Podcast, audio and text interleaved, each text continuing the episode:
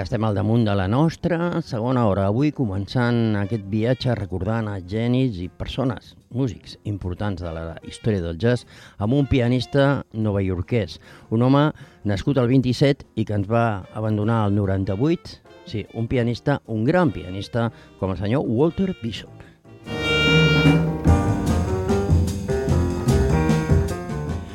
Walter Bishop, que, amb qui, per cert, fa molt temps que no li dediquem un especial i ja tocava tornar a recordar, com dèiem, aquest músic que musicalment es va criar a Harlem, home que tenia com a companys d'estudi en aquell moment i de, i de creixença musical a gent com Kenny Drew, com Sonny Rollins, com Arthur Taylor, Home, també que us vull recordar que a final dels 40 ja va formar part de la banda del nostre estimat Hart Blakey i un home, a més, que va desenvolupar el seu llenguatge en ple moviment bebop, eh, tocant i estant al costat de, de grans i, i un lloc, evidentment, molt emblemàtic, com era la, aquelles fantàstiques jams i aquelles fantàstiques sessions al Minton's eh, Playhouse. Un home que ha enregistrat amb Milt Jackson, amb Stan Getz, i on una memorable, s'ha de dir, col·laboració amb Charlie Parker eh, a l'any 1951-54 donaria o començaria a marcar el nom de Walter Bishop mm, arreu de lo que era el conegut continent modernista jazzístic del moment.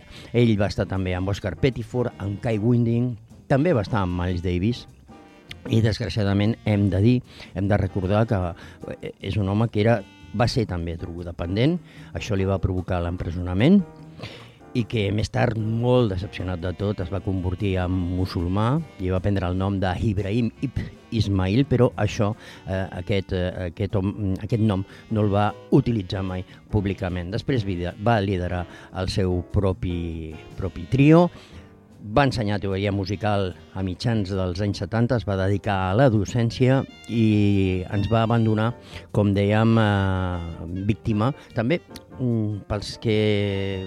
Una curiositat, a mitjans dels 70, no em vull oblidar d'aquesta aquest, dada, a mitjans dels 70 també va col·laborar com a ajudant d'Ike i Tina Turner, ja sabeu, la gran cantant de soul, doncs bueno, ahir van tenir l'ajuda del nostre estimat Walter, Walter Bishop, que va morir, doncs com us he comentat abans, el 98, eh, víctima d'un atac de cort al Centre Mèdic d'Afers eh, Veterans de Manhattan, el 24 de gener de 1998. I de eh, Walter Bishop s'ha de dir que, tot i que ve de l'herència de Bud Powell en quant al context de, de la forma, eh, l'època i el discurs del moment que era el, el Bob evidentment, i del qual Bud Powell era el mestre indiscutible, doncs més tard ell va anar evolucionant i se'l va conèixer sobretot per retenir el ritme, de manera que tenia... Aquí ho estem sentint per darrere?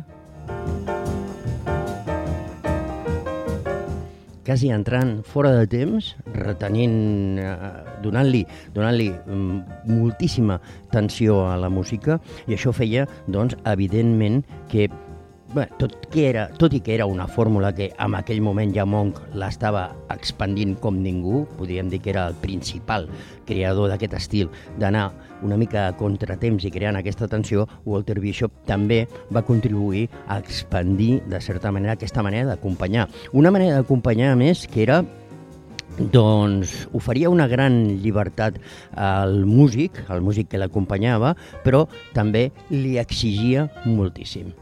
Podríem dir que aquesta era la gran característica i que aquesta nit veureu de Walter Bishop. Per cert, aquesta nit ens quedarem amb ell amb un grandíssim àlbum, un àlbum enregistrat al 1972 que du per títol Coral Case i he escollit tres temes. El primer d'ells es diu Coral Case, el segon es diu Track Down i el tercer, ja ho veureu, un tema molt, molt expressionista amb un espai free bastant interessant, es diu Freedom Suite. L'acompanyen al costat de Walter Bishop, al piano Idris Muhammad, a la bateria Roger Johnson, al contrabaix Harold Vick, al tenor i a la flauta Buddy Shaw, a la trompeta amb l'últim dels temes i el senyor Alan Swat Wenger també participa amb algun que altre tema dintre de l'àlbum. Per tant, us deixo una bona estona amb Walter Bishop Jr. a l'àlbum Coral Case. Tres temes, Coral Case, repeteixo, Track Down i Freedom Suite una gran sessió per un àlbum memorable d'un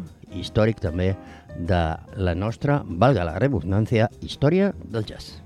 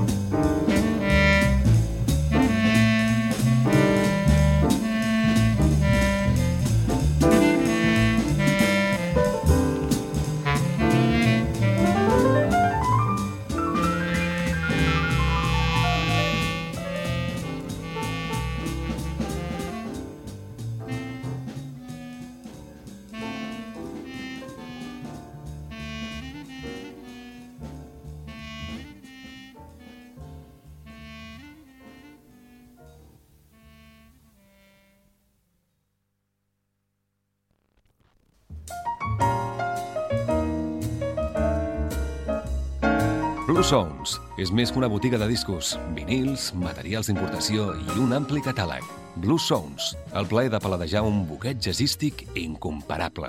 T'esperem al carrer Benet i Mateu 26 de Barcelona, telèfon 93 280 60 28 o entra a la pàgina web www.blueqiosons.com. Thank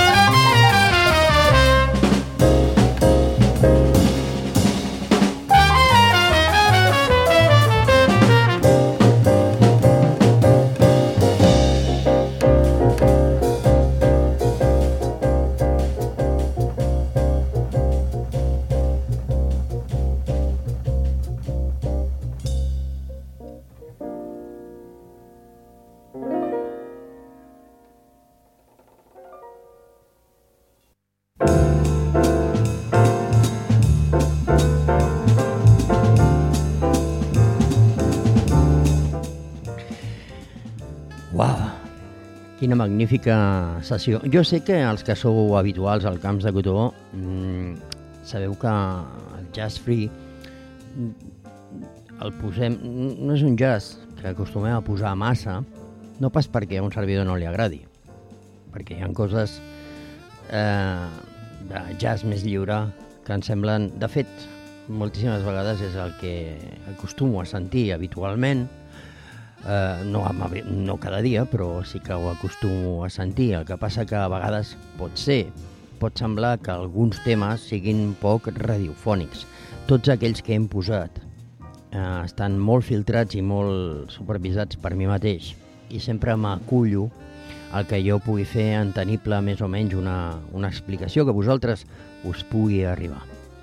Aquest és el motiu, no que no ens agradi, al contrari perquè quan estem de, al davant de temes lliures, però tan sensacionals com el que acabem de sentir, penso, al igual que el gran jazz free que passa per, per aquí, pel Camps de Cotó, el jazz eh, legendari de Hornet Coleman, eh, tot aquell jazz més alliberat, el millor d'Archie Sheep, de gent, un Farwa Sanders, aquests que són enregistraments indiscutibles, doncs vosaltres els teniu també en les nostres segones hores, però ja sabeu que no és massa habitual doncs, tenir-lo, només que per un fet, possiblement, de, de mm, com us ho podria dir, de captar, diguem-ho d'aquesta manera, captar nous seguidors i poder explicar-ho amb, més, amb, més, eh, amb més criteri. Aquest és exclusivament el fet. O sigui que, per si no ho sabíeu, em declaro un fervent seguidor de tot allò que va començar a néixer en Coltrane i va seguir Eric Dolphy i que avui hem vist com aquesta llibertat i amb Ornette Coleman, evidentment, i com aquesta llibertat era una autèntica, una autèntica joia. Ahir estàvem amb aquests temes. El primer d'ells, aquest Coral Case, aquest tema que plàsticament doncs, ens arribava entre una barreja de bossa nova i hard bop, amb una entrada a la flauta del propi Harold Vick, i ahir veiem el primer exemple d'acompanyament de Wishop, com us deia, eh, fent un primer solo carregat de...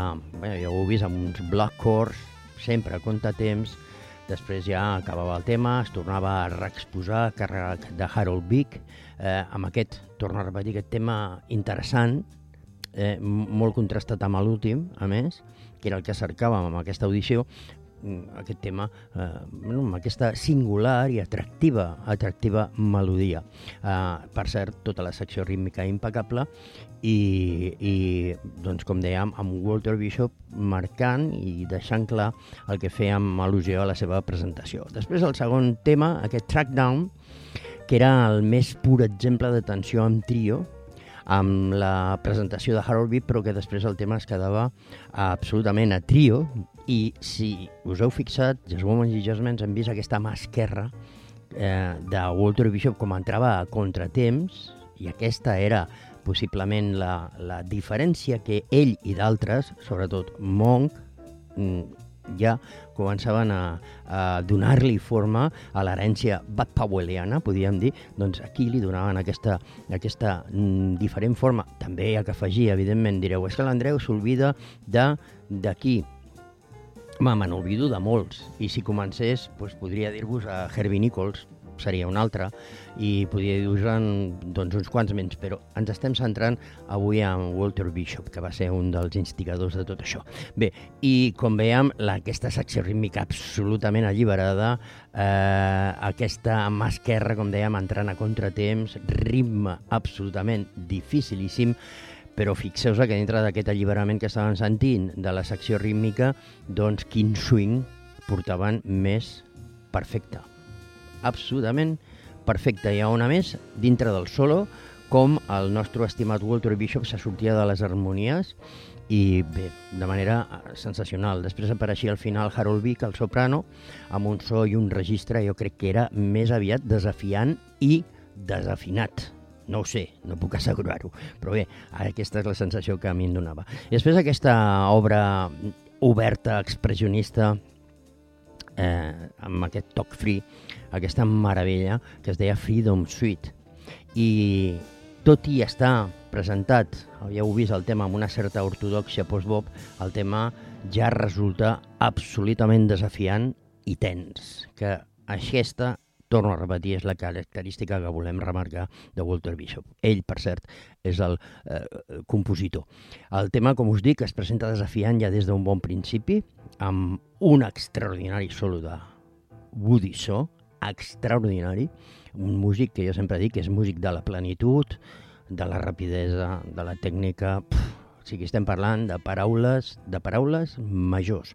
Com sempre, el solo de Shaw no li fa falta pujar al segon contrasol, com diuen els trompetistes, és dinàmic, és incisiu, és tens, ràpid i bé. Mm, jo crec que sobraven les paraules per, per definir el solo del magnífic eh, Shaw. Però sobretot, l'acompanyament de Wissop, de Walter Wissop, i la secció rítmica, que són d'una creativitat incomparable. No sé si heu vist que el tema passa per un interludi free, sota, sota una magistral, magistral expressió absolutament lliure, un discurs lliure de Shaw, però eh, realment eh, molt orgànicament el tema anava construint-se i anava agafant forma. Després entra, entrava Harold Vick amb un espai obert i, i bé, és el moment on Wissow ja comença a rellançar el tema amb aquesta característica que tant li agradava eh, dels block chords i bé, al final el, el tema acaba amb el trio desafiant, extraordinari, entrant, sortint de les harmonies i jugant amb el temps d'una manera, jo diria que més que brillant. Bé, meravellós l'àlbum, meravellós el record a un Walter Bishop. No us perdeu aquest àlbum, veritat? És un àlbum recomanadíssim, aquest Coral Case, aquest àlbum del 1972, repeteixo, Walter Bishop al costat d'Idris Muhammad, Muhammad a la bateria, Reggie Johnson al contrabaix, Harold Vick a la flauta, Buddy Shaw a la trompeta i amb l'últim dels temes, el senyor Alan Schwarzbenger a la bateria. Magnífic el treball i ara canviem de registre totalment perquè ens en anem amb el segon i últim aquesta nit. Segon i últim convidat de la nit. I ni és, ni més ni menys, imagineu-vos, un gran, canviem de registre, però una altra bèstia. Sí, senyors, Zut Jims.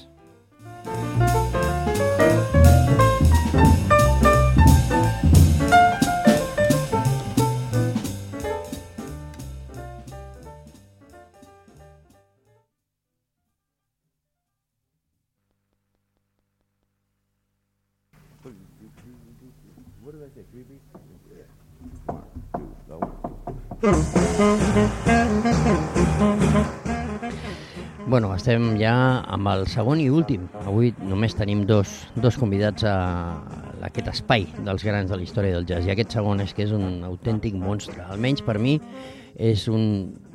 hauria de formar part com un dels 10 millors saxofonistes de tota la història del jazz.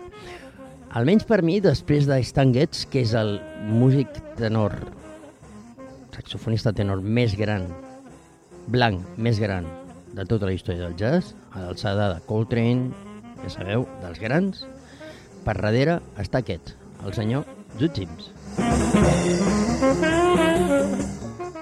Aquest home inoblidable, aquest home que va debutar professionalment al 41 i que l'any 42 ja estava a l'orquestra de Benny Goodman i Sid Catlett, que la seva carrera eh, musical dona un gir absolutament brutal quan coneix a Stan Getz i Jimmy Giffrey, dels quals ell deia que van exercir amb ell una influència absolutament positiva que després, més tard, el propi Ralph Barnes l'escolta i li diu a Woody Herman, eh, tu, fitxa aquest tio, Woody Herman en aquella època tenia la millor orquestra que hi havia, doncs estic parlant de finals dels 40, principis, principis de, dels 50, 40, entre el 45 cap endavant, i Woody Herman, ell estava atent a tots els joves músics que venien doncs, sempre espitxant, espitxant fort. Recordeu que hem fet especials on ell formava part d'aquella secció extraordinària i una de les més importants, per no dir la més important de tota la història del jazz, aquella que coneixem com els Four Brothers,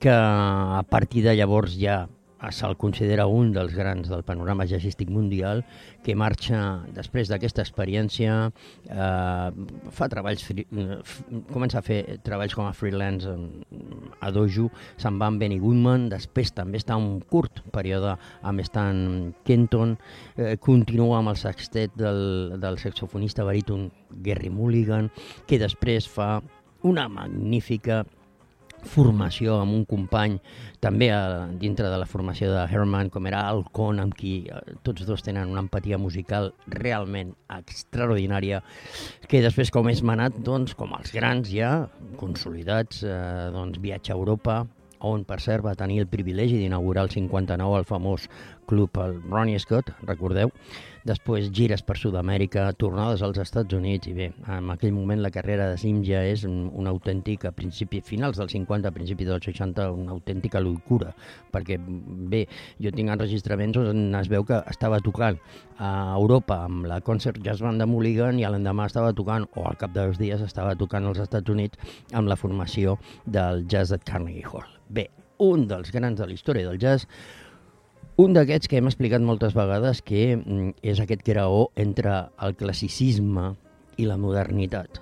Un dels músics que va extreure de Lester Young la manera de la melodia, la manera de dir les coses i l'estil, el frasegi, i de Charlie Parker, el llenguatge. I entre aquestes dues coses, entre d'altres, van néixer un gegant com Stan Getz i aquest altre gegant com Jude James. I ell va ser pues, l'encarregat d'això.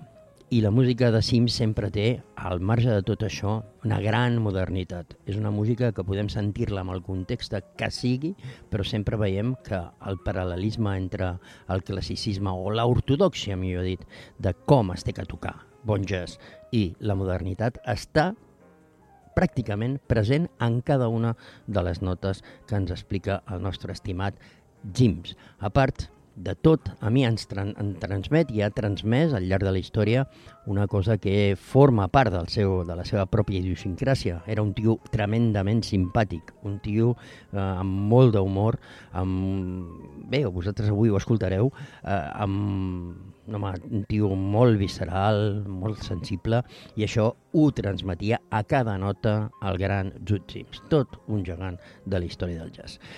I avui, precisament al Japó, al Japó eh, va armar un taco impressionant, això configura dos, dos CTs, nosaltres ens quedarem amb el primer d'ells.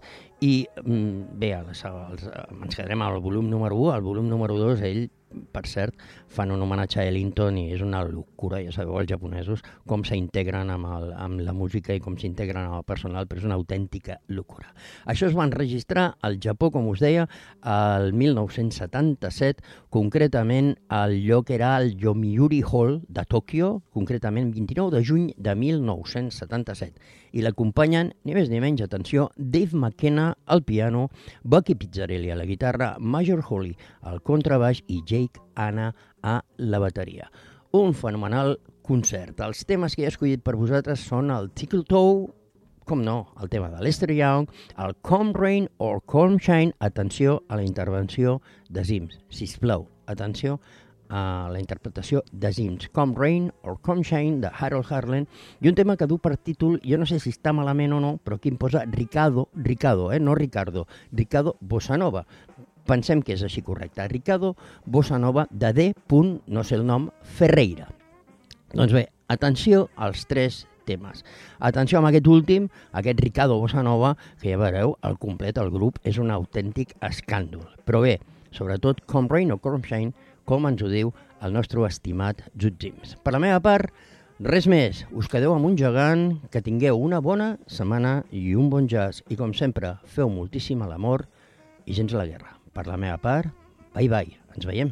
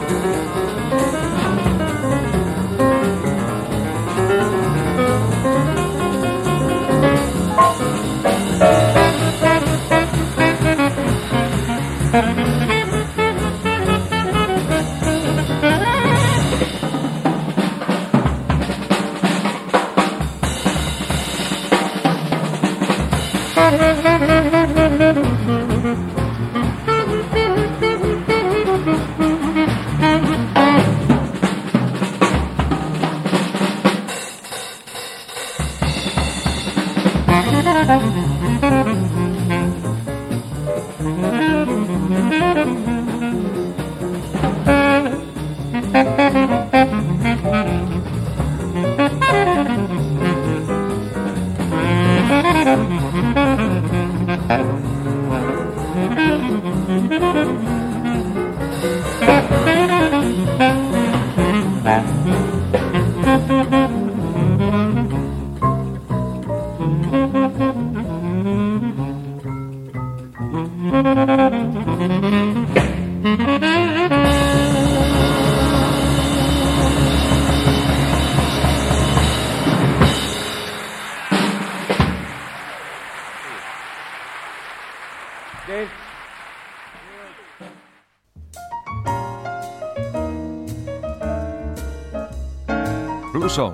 És més que una botiga de discos, vinils, materials d'importació i un ampli catàleg.